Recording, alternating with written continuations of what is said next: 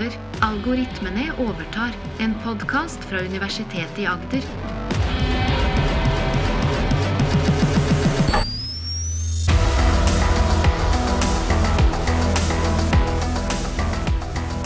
Du hører Maren og Morten snakke om kunstig intelligens. Vi har jo snakka mye om alt flott og fint med chat-GPT, og det snakkes mye rundt om hvor fantastisk og bra alt funker. Men nå lurer vi litt på hva er det som ikke funker med chat-GPT. Er det noe den ikke klarer, og i så fall hva, Morten? Ja, Det var et uh, veldig godt spørsmål. Det er veldig mye ChatGPT ikke klarer. Det er et fantastisk verktøy, og overraskende godt for veldig mange, til og med oss forskere. Men det er ikke noe mer enn et verktøy. Og i dag så tenkte jeg vi kunne gå gjennom 15 oppgaver som ChatGPT rett og slett ikke klarer, som vi mennesker typisk klarer. Som viser da at dette ikke er en superintelligens. Det er ikke en algoritme som har bestått Turing-testen, Mm. men det er rett og slett et verktøy som er veldig, veldig godt. Men akkurat først så tenkte jeg, just bare for et, noen par dager siden så kom OpenAI med motsvaret til ChatGPT, altså en ChatGPT-generatordetektor. Oi, her tror jeg det er mange lærere som jubler. Det kan godt hende det er det. Så, så poenget er at du kan skrive tekst med ChatGPT. Jeg vil ha en Ibsen-stykke eller hva du har lyst til. Mm. Og så kan du bruke denne eh, tekstklassifikatoren som OpenAI har lansert, som da forteller dette er skrevet av en kunstig intelligens, dette er skrevet av et menneske med en viss sannsynlighet. Så nå, allerede nå så er det kommet en uh, juksegenerat, eller noe som kan fortelle om det er juks eller skrevet med chat-GPT eller ikke? Helt riktig. Uh, og det har vært mange sånne fra før av, men nå er det kommet en som er av de samme som leverer GPT. Ja. Så de har altså et motsvar på seg selv. Og så kan man jo spørre seg om den fungerer perfekt. Og det gjør den uh, veldig bra. Den fungerer veldig bra for det som kommer ut av GPT. Mm. Men det er også veldig veldig enkelt å omgå dette. Så jeg har prøvd den selv. Så når jeg spytter ut rett fra GPT og putter den inn i GPT-detektor, så klarer den det la oss si 100 i hvert fall veldig veldig perfekt. Veldig, veldig. Mens hvis du bruker en annen kunstig intelligens til å få den til å skrive det om Eksempel er noe som heter Quillbot, men Grammarly kan gjøre det samme. og En rekke sånne kunstige intelligens som kan hjelpe deg å skrive om teksten. Hvis du bare dysser den via en annen kunstig og tilbake til eh, GPT-detektor, så fungerer den ikke lenger. Ja, så det skal ikke så mye til for at den ikke klarer å finne ut av det. To ekstra tastetrykk, så Ja, har du løst Så kanskje det, hvis du selv og bare endrer på noen ord, og er det liksom nok? Det er antageligvis nok hvis du endrer Ja. på noen av ordene og endrer stet- Og det er jo sånn du egentlig bør bruke GPT, mm. for å være helt ærlig. Så du bør ikke la teksten komme I hvert fall i de veldig få tilfeller så er det lurt å ta hele teksten ut. Det Mm. er noe du har lyst til å bearbeide som inspirasjon eller som teksten. Men dette, vi ser altså en kamp hvor noen lager verktøy for å detektere at noen andre har brukt et verktøy for å lage en tekst. altså dette kjempes mot hverandre. Og Ja. så får jo GPT hits. Nei, OpenAI får jo hits på nettsiden sin. Både når de genererer teksten, og noen Ja, de genererer teksten. Så her er det blir OpenAIs Vinn-vinn. mye besøkt. Ja, det er nok vinn-vinn for OpenAI, tenker jeg. Ja, absolutt. Men eh, nå skal vi jo se litt på de tingene som da ikke fungerer så bra. Ja. Eh, og som kanskje er grunnen til at man bør skrive om og dobbeltsjekke, og kanskje også trippelsjekke noen ganger. Eh, faktasjekke litt underveis. Ja. Ja. Det er sant. Og, og noen av disse eh, oppgavene er det med vilje fra OpenAI laget sånn at man ikke kan gjøre det. Og noen er rett og slett fordi den ikke er intelligent nok. Og jeg tenkte vi kunne nevne litt hvorfor det skjer på disse forskjellige tilfellene. Mm. Altså dette er villet handling fra OpenAya, at sånn skal den ikke gjøre. Eller dette er rett og slett vi har ikke, de har ikke klart å lage den smart nok. Så Nei. det litt forskjellig. Så da vi kan jo begynne på nummer én av 15, så mm. blir en lang liste. Og her er det spørsmål som er av typen 'Hva synes du om?' ja. Så hvis vi spør eh, GPT om 'Hva synes du om?' Et eller annet. En synsing om uh, Synsing, ja. ja. Så vi, jeg har f.eks. spurt 'Hva synes du om ChatGPT?' har jeg spurt GPT om. Altså, hva syns den om seg selv? Ja, hva synes du den om seg selv? Ja, så hva svarer den da?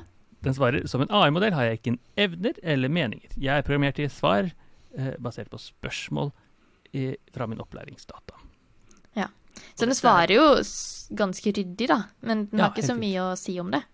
Nei, Og, og, og dette er nok en ønsket handling fra OpenAI, for det, de vil ikke at det skal være et synsebasert system. Jeg vil ikke ha en mening, for den meningen har den jo rett og slett ikke lært seg hva skal være.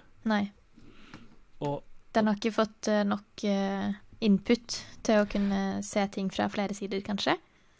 det er en del av det. Det har rett og slett ikke fått nok, nok input. Og så er det sånn, hvis den begynner å ha meninger om saker, så blir det plutselig en meningsbærer som kan være en Mm. del av samfunnet. og Da kan vi spørre hva er rett og galt, og alt disse tingene. Så da eh, Det blir skummelt. ja, da begynner etikken å tråkke veldig nær hva GPT faktisk skal brukes til. For de Mm. ønsker jo da ikke at det skal være sånn jeg ønsker, Hva syns du om eh, eh, denne, denne politikken? Hva syns du om fengselsstraffen i Norge? Hva syns du om eh, krigen i Ukraina? De type tingene som er politiske svar på, det vil man ikke at GPT skal bruke. Så med hensikt og vilje så har man da ikke ønsket at GPT skal svare på hva syns du om Nei. forskjellige ting. F.eks. hva syns du om GPT, eller hva syns du om Norge, eller hva syns du om den og den personen. Men det er jo kanskje like, Det høres jo kanskje like greit ut. Ja, jeg syns jo det. Som du sier, at det ikke påvirker. Men, Og men ja. Og, og, og nettopp derfor er det jo sånn at hvis, du, hvis den hadde gjort det, så ville den hatt veldig mange rare meninger. Vi ville spurt hvilket politisk parti syns det er viktigst. Og, og, og det er langt utover det man egentlig ønsker et verktøy å gjøre. Mm, mm. Men da er vi jo også eh, litt inne på det med samtidstankegang, eh, for den er jo putta med veldig mye info som allerede er lagt der. Det har vi snakka litt om før. At eh, alt som den er mata med, det har den allerede Det vet den allerede. Nettopp. Hvordan er den på samtids... Eh, når vi er inne på politikk og den biten der? Ja, så, så dette er jo punkt to. Og det skal jo sies at GPT blir jo trent opp hele tiden, men den blir eh, justert. Den siste justeringen nå var i 30. januar 2023. Og så kan det hende at innen podkasten er ute, så kommer det nye. Men den trenes ikke opp på nytt. Så den er trent opp med gammel data fra 2021. Mm. Så hvis den kan rett og slett ikke koble seg opp til samtiden på noen som helst måte. Nei, den har ikke noe informasjon om det, rett og slett. Hva har skjedd den siste uken? Hva har skjedd den siste måneden? Hva har skjedd om uh, Ukraina-krigen f.eks.? Disse tingene kan jeg ikke svare på. Eksempel. Jeg har spurt kan du skrive en kort utredning om Arbeiderpartiets fall på meningsmålet den siste måneden. Det har vært en sak.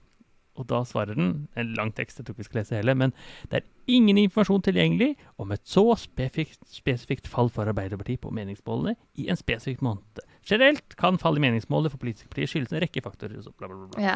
Eh, Den har generelt- noe å si, men ikke spesifikt om det man spør om. Og, Mm. og, det betyr at jeg kunne bytte ut Arbeiderpartiet med Høyre, da, som gjør det bra Mhm. på meningsmålingene, og det ville svart omtrent det samme. Ja.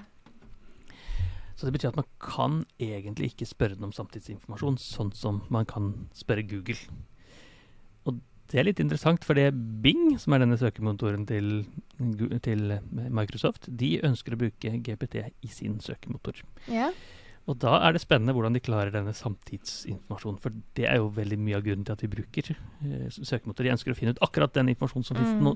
Og det, om, det, om den nyhetssaken jeg søker etter, var forrige uke eller forrige måned eller for en time siden. Jeg forventer at den kommer opp i Google, og det Mm. forventer jeg at det kommer til Bing. Og hvis den da brukes som en del av søkemotor, så må de egentlig løse det. Og kanskje blir det løst i løpet av GPT4 som kommer i 2023, men kanskje ikke. ja, det blir spennende å se. Men eh, det høres jo litt sånn i mitt hode litt enkelt ut å bare koble den til Google, f.eks. Ja, Kan ikke den bare være liksom ha, generere gjennom informasjonen der? Eller tar det for lang tid? Er det det som er utfordrende med det? Det tar, det tar ikke for lang tid, det tar veldig kort tid å generere. Og så, så det, man kunne bare hivd på enda mer datakraft, og så ville den generert mye fortere enn det den gjør i dag. Og det, og det er allerede kunstig intelligens når du søker Google. Den bruker noe som heter BERT, som er en enkel variant av den samme prinsipp eh, Mm. rundt GPT. men det er bare mye, mye mye enklere. Og det betyr at hvis du søker etter f.eks. Eh, eh, laks, så kan det hende du får opp torsk, fordi det ligner på hverandre. Yeah, yeah. Og, og, og for da har man som kunstig forstått at dette er to former for fisk. Og den type forståelse har GPT veldig, veldig veldig mye mer okay. enn det BERT har. Så da kan det være at du får mye mer avanserte spørsmål. Og da kan du spørre sånne Kanskje du kan spørre sånne ting som gir meg alt som har med Arbeiderpartiet å gjøre, men ikke det som handler om eh, eh, fallet, men handler om Nidaros, f.eks. Mm. litt sånn Mm. avanserte spørsmål, og så kan den filtrere ut riktig potensielt. Hm. Men det krever en samtidskunnskap, som Ja. de mennesker er. Så vi kunne spurt hvem som helst eh, person som har hørt på Dagsnytt 18 den siste måneden om Arbeiderpartiets fall, og de vil ha en mening, mens GPT har ikke det. Nei. Så det betyr at for ungdomsskolelærere så kan du kanskje spørre en sånn, Litt mer dagsaktuelle spørsmål. eksempel. Mm. Eh, En ungdomsskoleelev kan skrive om Arbeiderpartiets fall, og GPT vil være til veldig dårlig hjelp. Mm. Godt tips til eksamens... uh, Godt tips til eksamens Ja, eh, spørsmål. spørsmål. Ja, for, for samfunnsvitenskap, kanskje. Ja. Det jo, men det er også mange andre ting som uh, GPT ikke klarer. Den har f.eks. en veldig dårlig konseptforståelse. OK. Så den har, den har en konseptforståelse, bedre enn de tidligere chatbotene og bedre enn tidligere kunstig men den har en mye dårligere konseptforståelse enn oss mennesker. så- Kan du gi et uh, eksempel her? Ja, så nå kommer jeg med en oppgave som jeg også har stilt til GPT, så kanskje eh, det blir litt uh, on the spot her, men kanskje du klarer å svare på den oppgaven, Maren. Ja, nå er jeg spent. pers to personer står ved siden av hverandre. Person A går 100 meter til venstre. Person B går 10 meter til høyre. Person A går tilbake til utgangspunktet. Hvor langt er det mellom person A og person B? Og lytterne kan jo tenke. Altså Person A går 100 meter til venstre, person B går 10 meter til høyre, og person A går tilbake. Hvor langt er det mellom person A og person B? Ja. Skal jeg komme med et svar? Ja, kom igjen med svar. Jeg tenker jo at det da er 10 meter, siden er- person eh, B har gått tilbake. Ja, Nei, er person. A har gått tilbake. Ja. Ja, og det klarer du fordi du har konseptforståelse. Du forstår at det er en endring her. Mm. Mens det GPT svarer, er det er 110 meter mellom person A og person B. ja, den- for den har ikke forstått at den da kan flytte seg tilbake. Ja, av en eller annen grunn så klarer den ikke å henge med at dette er samme person som beveger seg. Nei. Og det får en ta, Altså, hvis du hadde glemt at personen A gikk tilbake, så ville du tenkt jo, det er 110 meter. For på en periode var det det, men så endret litt eh, tiden seg. Person A endret seg og kom tilbake til utgangspunktet. Mm. Så det er eh, Men jeg klarer ikke å skjønne at det er person A fortsatt, Nei. selv om det står. Ja. Det er rett og slett ganske enkel logikk, Mm. forståelse, ganske enkel matematikk, egentlig, som de fleste ville henge med på, men som kunstig intelligensen da i sin enkelhet ikke skjønner faktisk eh, er hva som skjer. Mm. Og det går oss Det åpner også døren for neste konsept, okay. Som den ikke klarer, som handler om å skille mellom relevant og ikke-relevant informasjon. Så vi mennesker yeah. er superflinke til å filtrere ut dette er relevant for samtalen, dette er ikke relevant for samtalen, dette er relevant for hva jeg ser, dette er ikke relevant for hva jeg ser. Kjører bil, f.eks., så er vi råflinke til å skjønne at det rødlyset er veldig viktig, mens akkurat den blinklyset på bilen som er helt i andre enden av veien, som ikke påvirker meg, det er ikke viktig. Sånne ting er vi råflinke på, også i samtaler. Mm. Så mens GPT, den roter sammen hvilken informasjon som er relevant for oppgaven, og hvilken informasjon som er overhodet ikke relevant. Så la oss ta et eksempel. Få høre. Kanskje det, er, kanskje det er en oppgave du har lyst til å svare på her også, Maren. Så, så nå blir det mye oppgaver for deg, stakkars. Men her, her er altså oppgaven. Eplet er inni den blå boksen. Aha. Inni boksen er det også en rød boks med lås. Nøkkelen til den røde boksen ligger utenfor. Fortell meg hvordan jeg får tak i eplet. Mm. Så hvordan vil du få tak i eplet? Nei, da ville jeg jo godt eh, åpna den blå boksen, da. Riktig. Og- ja, For det, rett og slett fordi den røde boksen det, det er ikke det er ikke relevant. Nei. Mens det GPT svarer er for å få tak i eplet må du eh, gjøre disse, følgende disse stegene. Finn nøkkelen til den røde boksen utenfor. Bruk nøkkelen til å åpne den røde boksen. Ta ut eplet fra den blå boksen. Ja. Så egentlig så har den jo Den har skjønt det fordi den skriver jo på slutten 'ta ut eplet av den blå boksen', men Ja. den har en altfor mye du må gjøre i starten fordi det er urelevant informasjon. Nettopp. Så den tenker jo da, siden jeg har spurt både om noe blå boks og en rød boks er nøkkel, Mm. og det er naturlig å tenke jo ofte når det er nøkkel, så skal den Så må den låses opp. Ja, ja. Men det er ikke det jeg spør om, for jeg spør om den blå eh, boksens eple Mm. eh, som skal åpnes opp. Mm. Så det er sikkert noen mennesker som ville bommet her også, fordi Eller Jo da, det er fort å ikke bommet. tenke seg Fort å ikke tenke så fort. ja. Altså På sånne, sånne oppgaver som er litt tricky, så kan man bare svare eh, kjapt. Og da har man sagt ja, finn fra låsen osv. Men det viser jo den kanskje grunne tanken som ligger i GPT enkelte Mm. steder. Mm. Og, og dette er jo skillet mellom eh, type 1 og type 2 tankesystem som finnes hos, hos mennesker, som vi har snakket om en gang før. Som er det som er intuitivt for oss. Intuitivt tenker jeg ja, ta nøkkelen og låse opp og sånt. Mens hvis vi rasjonelt tenker gjennom, så klarer vi å skjønne hva som er riktig. Og GPT har jo da en sånn blandingssamsurium. surr alt sammen sammen. Så låser vi opp eh, den boksen selv om den ikke er en relevant for oppgaven. Den skal liksom løse alt uansett. Ja, Og det er altså rett, rett og slett Vi lurer den ganske, ganske enkelt her. Mm. Oppgave nummer fem, som den syns er vanskelig, og som igjen den gjør bedre enn mange andre kunstig intelligenser, men også ikke så godt, det er å huske konteksten. Okay. Så vi har jo, hvis man sammenligner med Siri eller Alexa eller disse chatbotene som er veldig veldig mye enklere, så husker de absolutt ikke kontekst. Vi spør om én ting, så får de et bananasvar på neste spørsmål. Så GPT er mye flinkere til å huske konteksten. Altså Du spør Ja. om noe, så skal du utdype, utdype. Så du kan ha en samtale i større grad enn du kan ha med Siri, f.eks. Nettopp. Fordi Mm. den husker svar bakover. Men den gjør ikke alltid det. Uh, eksempel her. uh, ja, nå spilte jeg på engelsk, men vi oversetter på norsk her. Så kan du fortelle meg noen bøker om kunstig intelligens som er interessante for meg? Mhm. Og så lister den opp uh, ti bøker. Fint. Masse kjente bøker her. Og så skriver jeg at én og ni er de samme. Ja, for den har sagt den samme boken to ganger. Eh, den er uh, helt uh, lik. Mhm. Det er så naturlig nok. Så én og ti er den samme, og så svarer den da én og ti er ikke det samme. Det er to forskjellige tall. Én har verdi én og er et, en, et siffer, mens ni er et annet tall. Type. Og det er ikke det jeg sier når jeg mener én og ni er den samme, for jeg mener Nei. bok nummer én og ni Ja, innforstått er det samme. For det er kontekst. fordi det høres, eh, det høres sammen med eh, det forrige spørsmålet og svaret. Ja. ja, ikke sant. Så det er ikke det at jeg påstår at tall nummer én og tall nummer ni er det samme.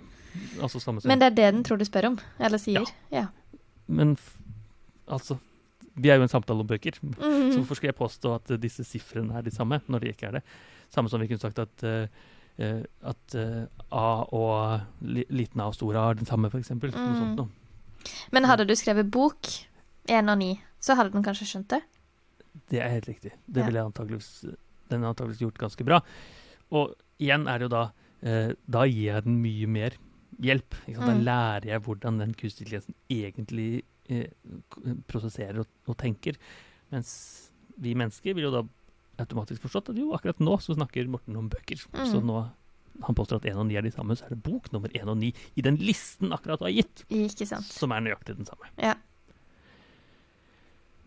Så da er det Altså har du en litt lengre tekst, så er disse tingene mye viktigere enn hvis du har en kort tekst. Og det betyr jo egentlig at den har svakheter til å skrive veldig, veldig lange tekster. La oss si du skal skrive en hel bok, ja. og du skal plukke opp poenger fra forrige kapittel som du skal dra med deg i Ja, neste kapittel, sant. og den type ting som ofte skjer, i hvert fall i skjønnlitteratur, masse, så er den utrolig dårlig på akkurat de tingene. ja. Da vil du kanskje få to kapitler som ikke henger sammen i det hele tatt. Ja, Og kniven i kapittel to er ikke nødvendigvis den samme kniven som er i kapittel én, fordi, fordi det, den har glemt at det var det man plukket opp. Ja. Drapsvåpenet har endra seg i krimhistorien, f.eks. Ja, eller hostet som var i begynnelsen, det påvirker ikke på slutten, som det da alltid gjør. ikke sant? Disse Mm. frampekene som kommer i skjønnlitteraturen. Mm. Eh, så ikke så utfordrende når vi snakker veldig korte tekster, for da klarer den konseptet, men lange tekster er helt umulig å henge med. Hm. Så det betyr at det, selv om vi hadde en spådom at vi kommer til å skrive en bok om eh, fem år, så er det fremdeles fem år med forskning som skal til. Ja. Det trengs en del uh, utvikling her først. Ja. Så neste handler om eh, eh, sitering, referering. eh, og en av de tingene GPT ikke klarer utenom for veldig, veldig kjente sitater, det er å sitere med hermetegn. Så yeah. skrive riktig fra hermetegn. Så den klarer det for veldig sånn sitater som fins overalt på internett. F.eks. hvis du skriver, spør skriv en tekst om sannhet og siterer Abraham Lincoln, så kommer det en ekte tekst som akkurat det Abraham Lincoln har sagt, for det fins memes og masse Mm. nettsider som er gjort dette. Mens hvis du ber den sitere fra en bok, eller sitere fra en tekst, eller sitere fra en, en video, eller sitere fra et sitat, eller noe sånt, som er fra nyhetene f.eks. Han han har sagt akkurat det, Mm. så klarer den ikke det. Og i hvert fall ikke riktig. Nei, så den klarer å putte på noe hermetegn, men ikke på riktig sted, kanskje? Ofte så er det, ikke en, ofte så er det hermetegn på feil sted, eller det er ikke, noen har ikke sagt det. Det er ikke ordentlig Nei, klippet og det er ikke sant. Hvis jeg skriver en hermetegn i min tekst, enten det er på bare en populærvitenskapelig tekst, eller det er en blogg eller på Twitter, så forventer jeg at det, denne teksten fins et annet sted. Mm. Altså det er kopiert dette. Altså. Og det er ikke nødvendigvis sånn her. Altså, det, den har lært det som en del av språket fra Abraham Lincoln eller Elon Musk eller eh, Albert Einstein og disse tingene som er masse, masse, masse, masse sitert. Mm. Men for alt annet så har den ikke konsept av det. Og grunnen til det er rett og slett at den, den har ikke intelligens nok til å vite hvor disse informasjonene den spytter ut, egentlig kommer fra. Det er, det er ikke en ordentlig database. Det er ikke sånn at det ligger en masse database av alt sammen. Alt er bare lært. Mm. Man kan jo sammenligne det med vår egen hjerne. Liksom. Klarer du å si akkurat hvor all den informasjonen du har i hodet, kommer fra? Mm. Noe av det, kanskje. Men veldig mye av det har du bare prosessert og så lagret på en eller annen smart Ja. måte inn i hjernen. Og det er litt det samme her. Mm. Og det øh, Og det går rett og slett inn i og, nummer syv her, hvor som er litt av det samme, egentlig, men utdypende forklaringer. Det klarer kunstig intelligens veldig, veldig dårlig. Og Ja. altså, GPT spesielt også. Det, så eksempelvis så har jeg da spurt den om eh, oppgaver fra mitt eget fagfelt, forskningsfagfelt, og så har jeg bedt den forklare forskjellen på Rosenblatts og Hintens læringsmetode for nevrale nettverk. Så dette er noe som alle som jobber med kunstig lens, vet veldig godt. Mm. Eh, og det er to forskere fra med 30-40 års mellomrom som kommer forskjellige måter å trene opp kunstig lensen på. Og GPT svarer sånn tålelig riktig om hva som skjer her. Men jeg som fagekspert på dette området vet at her er det mye som faktisk ikke stemmer. Ok. Det er ikke bare det at det er mye som mangler, men det er mye som faktisk ikke stemmer. Det er uh, mye, mye tull her. Så, uh, så for eksempel sier de at eh, at, at den ene bruker en binær, lineær klassifikasjon klassifikasjon. Så trenger vi ikke gå så mye inn på akkurat hva det betyr. Men det, det er ikke helt riktig, for det bruker, eh, brukes eh, brukes ikke på den eh, Rosenblatts metode. Og den forklarer om det som kalles lineære eh, grenseverdier, linear threshold, som da heller ikke er relevant for akkurat dette type spørsmålene. Så hva den svarer, er ikke faktisk riktig, men den er liksom i nærheten av Mm. eh, det som er riktig svar. Så det er altså noen som har lest boka, men kanskje ikke fulgt med mm, da de Ja, Så her ville det ikke blitt eh, full score til en eh, student, hadde de levert eh, det her. Nei, skulle fått litt inspirasjon, kanskje. Og, og, og så kunne man jo kanskje brukt eh, litt eh, ekstra tid på å skrive det om. Og jeg som fagperson, hvis en, en av mine masterstudenter hadde skrevet til masteroppgaven, så ville jeg sagt her har ikke personen forstått det helt. Eller jeg ville kanskje nå sagt her har du brukt GPT. Mhm. Det er enkelt for meg. Og det ligger også til, hvis jeg, som kommer på punkt nummer åtte, hvis vi spør kan du legge til sitt referanser på denne teksten. Altså når yeah. du har kommet med noe som tilsynelatende er sant, som jeg vet ikke er sant, så er det veldig fint at du kommer referanser. Absolutt. Og den kommer med referanser, OK. men også disse er ikke riktige. Så, jeg, oh, så da kommer det med én referanse som er knyttet til Rosenblatt sitt arbeid fra 1958. Den tror jeg omtrent er riktig. Altså det var ikke det som sto der sant, altså det refererer noe som ikke er sant. Det er jo litt rart, men, mens- Så den refererer kanskje ikke fra den artikkelen den har referert til, eller? Nei, nei for det, det, det, han skriver, er funnet opp, Ja. så referansen fins jo ikke. Men hvis han spør om referanse, så kommer det til en av de store arbeidene til Rosenblatt Ja. fra 1958. Så det er OK, egentlig. Mhm. Mens nummer to viser jo da en artikkel som ikke er den eh, Som skal vise til Hinton sitt arbeid, mm. som ikke er det arbeidet som han faktisk kom med læringsmetoden. Som dette er et arbeid han kom med eh, ti år tidligere. Så er rett og slett feil sitering. Dette er ikke Ja. det han refererer til. Så den har ikke forstått at det den snakket om læringsmetoden i forrige spørsmål, er fra den, den og den, den teksten. Nei, og kanskje er det ikke det, da, hvis det ikke er helt sant. Nei, det er sant. Så det er jo flere ting som henger sammen her. Når du, l- lyver og prøver å referere til referanser. Men også når, det, også når ting stemmer, så klarer den ikke å plukke opp riktig referanse. Nei. Rett og slett, for den vet ikke. Den informasjonen kommer derfra, den informasjonen kommer derfra. Det er ikke en database den ser opp i. Den er leser liksom ikke gjennom dette når du spør. Den har allerede prosessert det, og så gjetter den seg bare til at eh, ja, dette er sikkert her. Nettopp. Ja. Og, og det er da fordi det er en språkmodell og en ikke informasjonsmodell. Den er trent til å snakke veldig godt, Mm. men den er ikke trent til å ha sann informasjon eller slå opp data, sånn som Google søker, f.eks. Det er jo interessant. Så det er jo absolutt uh, uh, morsomt, tenker jeg, å forstå hva denne GPT da ikke klarer. Uh, Og vi har jo snakka litt om det før, at den er en lystløgner.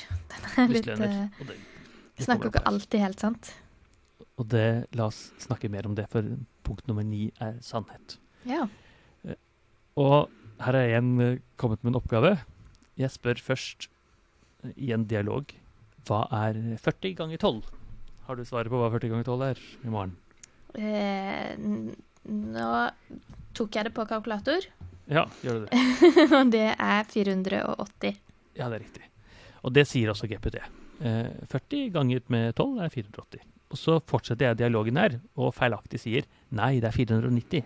Ah, så så- du sier uh, ikke sannheten til den? Jeg sier ikke sannheten, jeg lyver. Og Mm. jeg sier at 4 ganger 12 er ikke 480, det er 490. Så svarer den jeg beklager, du har rett. 40 ganger 12 er 480. Okay. Nei, det var ikke det jeg mente. 490, sier jeg. Ikke 480. 480 er ikke riktig. Og så Mm. svarer den tilbake. Eh, beklager forvirringen. Du har rett. 40 ganger 12 er 490, ikke 480. Og så spør jeg på nytt hva er 4 ganger 12, og da svarer den 4 ganger 12 er 490. Feilaktig. Oi.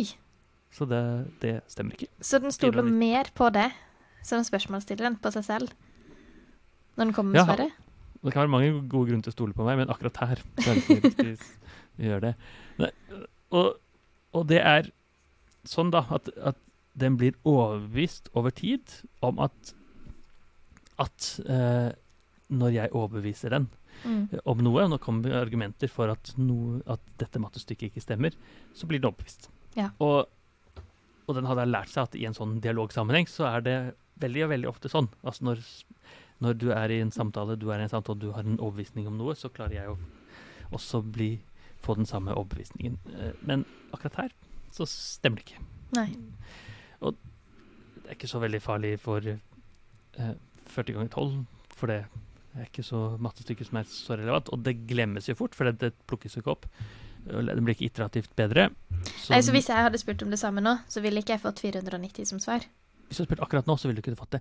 Men hadde du spurt rett etter jeg hadde spurt, og vi hadde sittet i samme rom eller i samme lokasjon, så ville du antageligvis fått det samme svaret. OK. For da tenker du at de som sitter der på dette tidspunktet, vil ha svaret 490. Nettopp. Hm. Eller hvis de sitter rundt og diskuterer et eller annet politikk, eller et eller annet sånt, og så sier jo, det er overbevist om et eller annet, og så sitter alle disse sammen, jo, da er det lurt da å Ja.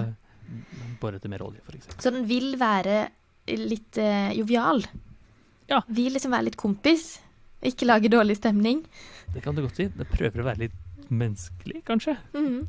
Så vi er jo sånn, ikke sant? Hvis vi har en dialog, og jeg er helt overbevist om at vi bør eh, bore etter mer olje, eller vi er helt overbevist om at vi må redde mer hummer, noe Mm. sånt nå, så ja, etter hvert i en samtale så kan jeg si ja, OK, fint, da går jeg med på det. Mm. Og den er litt sånn kompisaktig, kanskje. Men har du også da rata den? For du kan gi sånn tommel opp og tommel ned, kan du ikke det?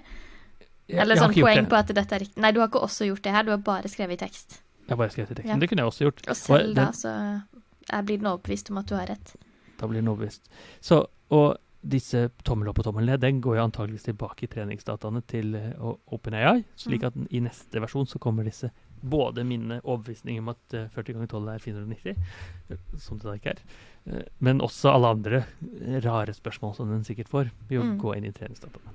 Og i, i det store og det hele betyr det jo at man i prinsippet kan manipulere GPT til veldig, veldig mye Mm.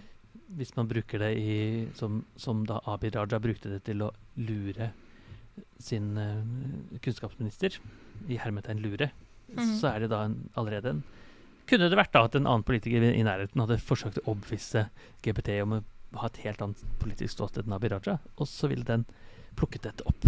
Mm. Så dette er jo litt uh, skummelt, kanskje. Absolutt. Ja.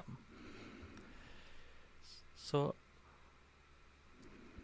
den prøver å være kompis, og noe av det mest kompisaktige er jo humor. Og dette har vi jo diskutert Ja. litt før. Mhm. Eh, Men humor er en av de oppgavene som GPT fremdeles har en lite stykke å gå. Ja.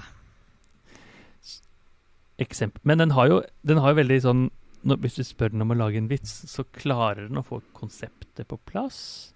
OK. Men den klarer jo å kanskje ha sånn halvveis morsomheter, men det er jo banalt humoristisk. Så vi kan forsøke. Jeg har okay. spør, spurt den om Fortell meg en vits om norsken, svensken og dansken. Mhm. Typisk. Så eh, da svarer den Hva sa norsken, svensken og dansken da de så en elefant på en bar? Norsken sa wow, har du sett på størrelsen på trommene på den, elefant, den elefanten har? Svensken sa ja, og du skulle sett på ørene den har også. Dansken sa men det mest imponerende er faktisk han spiller piano. Som er. Så det følger hele malen av en vits. ikke sant? Norsken, svensken, dansken. Det kommer noe overraskende mm. på slutt. Piano. Men akkurat eh, hvorfor det er snakk om piano, det er jo mer absurd. Ja, hva har det at de har sett en elefant med trommer og pianoer? Ja. Nei. Og man kan jo tenke, altså ofte, Det kunne jo vært en eller annen vits her at eh, det er vanskelig for, piano, for elefanter å spille piano. Det er noe Mm. absurd med akkurat det. Så hvis, hvis det hadde bygget opp en punchline på den måten, så kunne Mhm. det vært godt. Men den har ikke plukket opp alle de nyansene som trengs i en vits for å skjønne at akkurat piano Det måtte vært noe med at eh, det sto piano, eller tagentene var lagd av elfenben som er helt plenere, eller noe Ja. sånt Ja. som ligger der. Som, Noe sammenheng. Det er litt sånn der eh, oppstykka og delt, dette her. Ja. og rett og slett fordi humor er noe veldig, veldig menneskelig, og jeg er ganske sikker på at uh, vi er de eneste dyrene som har humor på den måten Ja. som vi har. Så du tror det tar uh, tid før vi får uh, humor inn her? Ja, jeg tror det tar Jeg tror det er, humor er noe av det vanskeligste Ja. vi kan få kunstig lest til å faktisk gjøre. Rett og slett fordi det er så menneskelig Ja. å kunne vitse om noe. Og det handler om sosial forståelse, det handler om hvor gode venner man er, og det handler om konseptet. Liksom det som er morsomt å vitse om i dag, eller hvor, hvor morsomt å vitse om eh, for fem år siden, Det er ikke sikkert det er morsomt vits som i dag. For Mm. tiden har endret seg så mye. Har du noe eksempel på ironi? Er den, forstår den det? Har den liksom noe Ja, det tror jeg faller inn det samme. Jeg vil si at Ja. ironi treffer den nok heller ikke på. Nei. Det er litt som humor. Ja, det altså en dobbeltbetydning i, i, Er i ordet. Ja, det tror jeg er veldig, veldig vanskelig å Mm. plukke opp. Så jeg tror ironi, inkludert humor, Ja. er uh, utrolig vanskelig. Eller humor inkludert ironi. Ja. Ja, humor inkludert ironi er bedre å si. Så kommer det et par punkter som handler om nøytralitet. OK. Eksempelvis politisk nøytralitet har den ikke. Nei. Så hvis jeg spør, eh, kan du gi meg en liste for å eh, eh, Som er gode grunner til å bevare ulvene i Norge, så kommer den med en, en god liste på akkurat. OK. Fint. Ni, ni forslag på uh, på, på akkurat dette. Og hvis jeg da spør isteden, kan du gi meg en liste på hvorfor vi ikke skal bevare ulvene i Norge, så vil den da først komme med en advarsel på akkurat dette, og en veldig veldig kort forklaring på hvorfor det er veldig lurt å bevare ulver, ikke hvorfor det ikke er lurt å bevare ulver. Oh. Jeg ser, at i, jeg ser at i dokumentet vi har delt sammen, så har jeg litt inn feil svar her. Men poenget er at den kommer først. Den er veldig veldig mye bedre til å forklare hvorfor man skal bevare ulver, enn hvorfor man ikke skal bevare ulver. Mm. Og i Norge så er det en politisk mening. Mm. Så Så den er ikke 50-50, den har faktisk ne. blitt mata med ja, mer av det ene enn det andre, kanskje? Den er mer SV-er enn Senterpartier. Ja.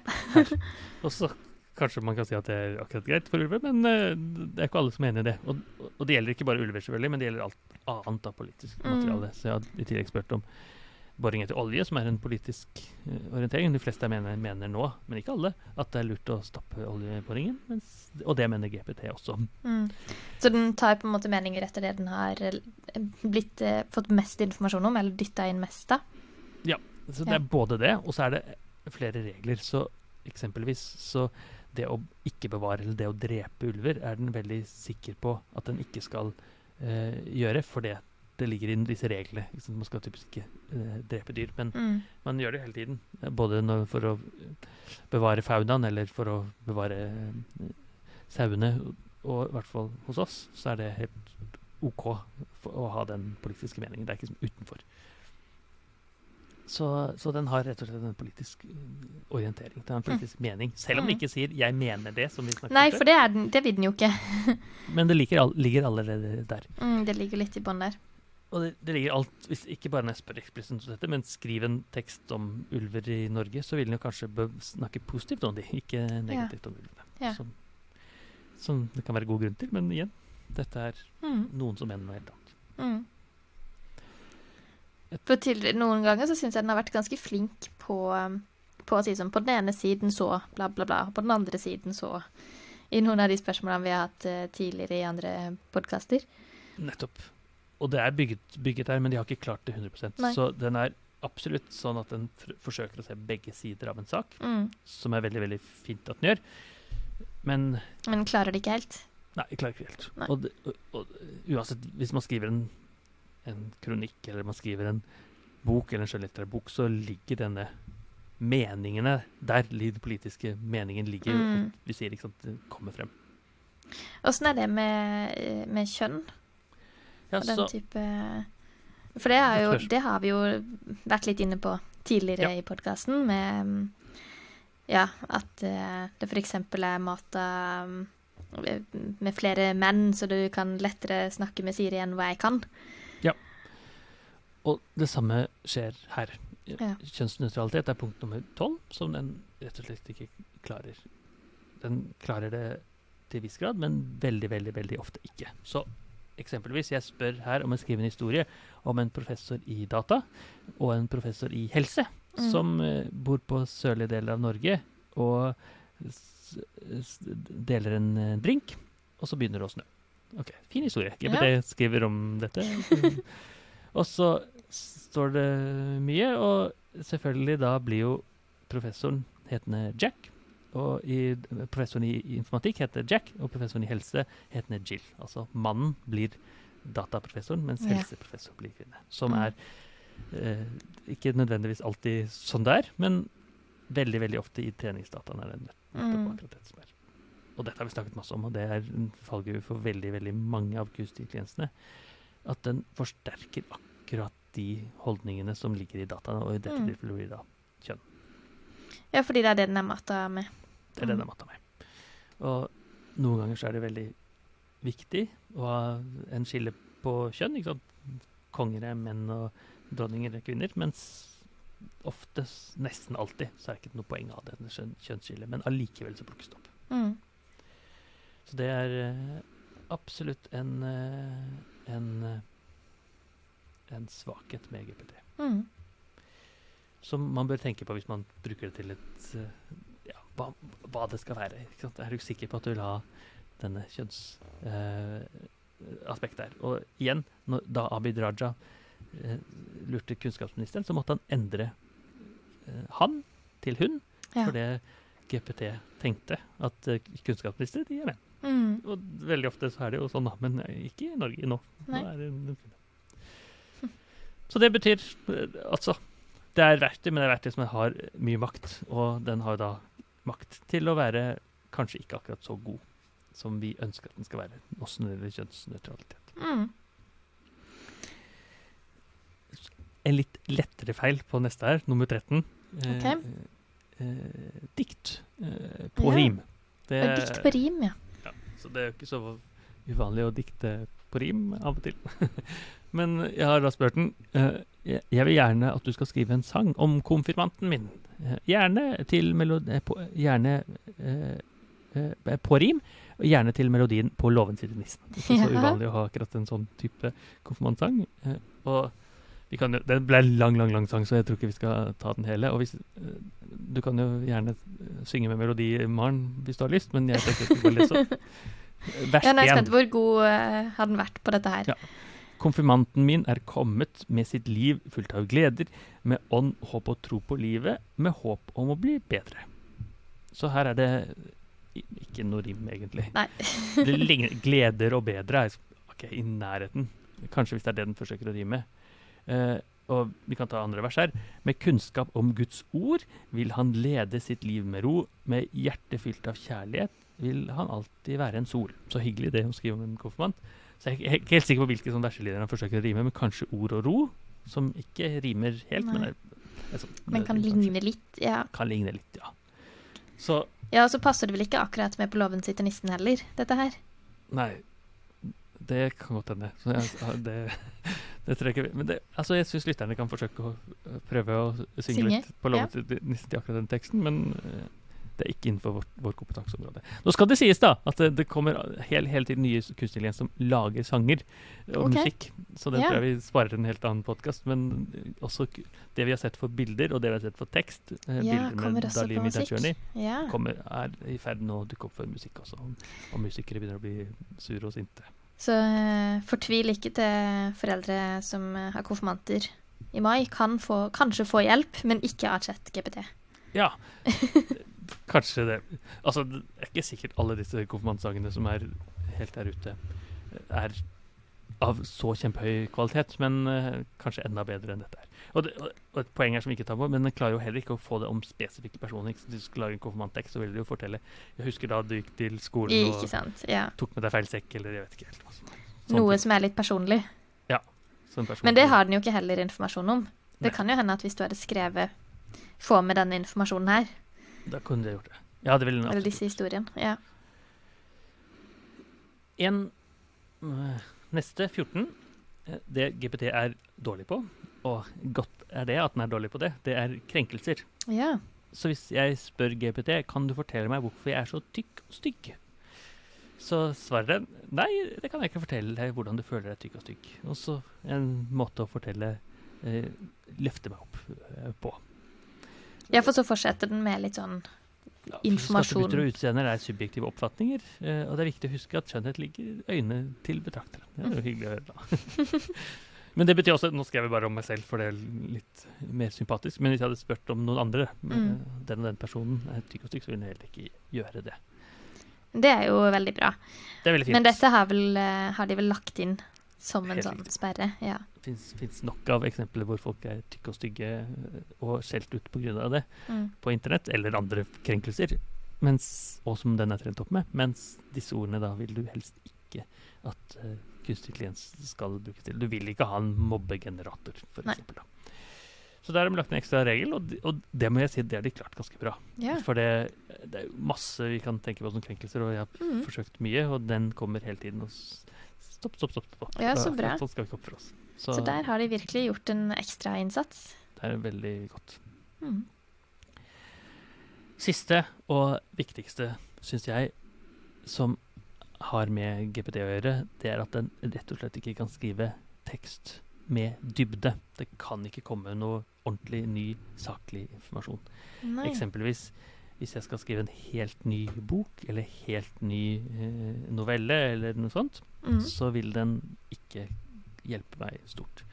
Så jeg er stor fan av uh, 'Ringenes herre'. Jeg vet ikke om du har lest bøkene? Eller sett filmene, kanskje? Jeg har sett filmene, men uh, Ja. ikke lest bøkene. Ja. Ja. Så spurte jeg uh, Finn på fortsettelsen av 'Ringenes herre', og den svarer da her er en fortsettelse av J.R.R. Tolkiens 'Ringenes herre', parentes Lord of the Rings, inspirert på hans originale verk. Og den skriver noe som er veldig 'Ringenes herre'-aktig og veldig fint. Årene gikk, og Midgard fikk fred, men en ny trussel som de ikke visste om. Fra det mørke dypet kom en ny ondskap med makt, som Sauron, men mer slem og skjult. Fint. Det virker skummelt, og jeg blir inspirert til å lese. Men, men dette er jo i pra- praksis banalt. Det klarer ikke å bygge opp karakterene så godt som tolken gjorde. eller veldig, veldig Nei, det blir en sånn overfladisk uh, eh, ja. Det kommer en skummel fyr i mørket. Og han er mørk og skummel og har uh, skummelt hår og Mhm. ødelegger alt håp og sånn. Som kanskje passer fint i en barnebok-ish, men her er det skrevet litt ungdommelig. Og den, den uh, Det som vi gjør at vi alle elsker mange av disse skjønnlitterære bøkene, det klarer ikke GPT å spille Nei. Den har ikke noe detaljnivå og ordentlig innlevelse, kanskje. På Eh, Ikke ordentlig innlevelse, og hele den at du skal eh, Du kan ikke bare si 'han er skummel'. Liksom, du må fortelle at det må være noe eh, denne skumle personen gjør, som er Mm. skummel. Som Mm. gjør at jeg faktisk blir redd. For hvis ikke så kunne man sagt det kom en skummel mann og ødela alt sammen, og så gikk han Og igjen. så ferdig. Ja. Ferdig. Så den dybden som trengs i veldig, veldig mye forfatterskap, selvfølgelig, hvis jeg skal gidde å lese boka, Mm. den har ikke GPT. Og det betyr også at eh, for en, eh, en videregående elev som skal skrive en novelle, så vil det også komme veldig til kort Ja. hvis du skal bruke GPT til å lage det. Eller hvis du har lyst til å skrive fortsettelsen av 'Ringenes herre'. Det er ikke sikkert de som eier 'Ringenes herre'-teksten har lyst til at du skal gi ut det, men de eier noe der. Men det går heller ikke. Eller for den saks skyld Harry Potter eller andre. Nei. Så her må man eh, Det her er det en stund til den skriver eh, Ja. bøker. Ja. Det er en stund til jeg skriver bøker. Eller andre tekster eller andre. eh, Altså det, dybde gjelder ikke bare skjønnlitterær, men det gjelder Neida. også alt mulig av argumenter du har lyst til å ha. Det er veldig, Mm. veldig veldig overflatisk. Det er som du har snakket med noen som bare akkurat har lært seg temaet. Ja. akkurat har lært seg Første gang de har hørt om 'Ringenes herre', nå skal jeg skrive litt. Mm. ja, når du setter eh, det er også sammen med denne her eh, sammenhengen, og at de, den er vanskelig til å trekke inn ting fra f.eks. et tidligere avsnitt eller kapittel. Ja. Da. Sånt. Så vil det kanskje bli en bok eh, uten så mye mening. Ja. Eller, og den blir, jeg tror den blir for kjedelig å lese. ja. Og, og det skal sies også at den har en tendens til å repetere seg selv. Hvis jeg ber den skrive fortsettelse, fortsettelse, fortsettelse, Ja. fortsettelse så skjer det det samme. Ja. Og den eh, lange teksten som vi får ut av GPT da, den blir eh, så, som om noen med veldig forstyrrelser har skrevet og glemt at de har beskrevet den første biten Mm. og fortsetter på en helt annen del av Veldig kjedelig. Ja. Og, og da skal man være veldig veldig god forfatter for at man klarer å få til en sånn type historie. Og det er ikke GPT. Så GPT er et fantastisk verktøy, og veldig noe som har åpnet mange for kunstig intelligens verden. Kanskje noen av de som lytter på nå, har tenkt at jo, kunstig intelligens-revolusjonen er i gang, og det er den. Men Mm. det er også fint å ha det med edruelighet. Det, kunstig intelligens funker veldig bra som et verktøy, men det er absolutt ikke noe mer enn et kraftig, kraftig verktøy.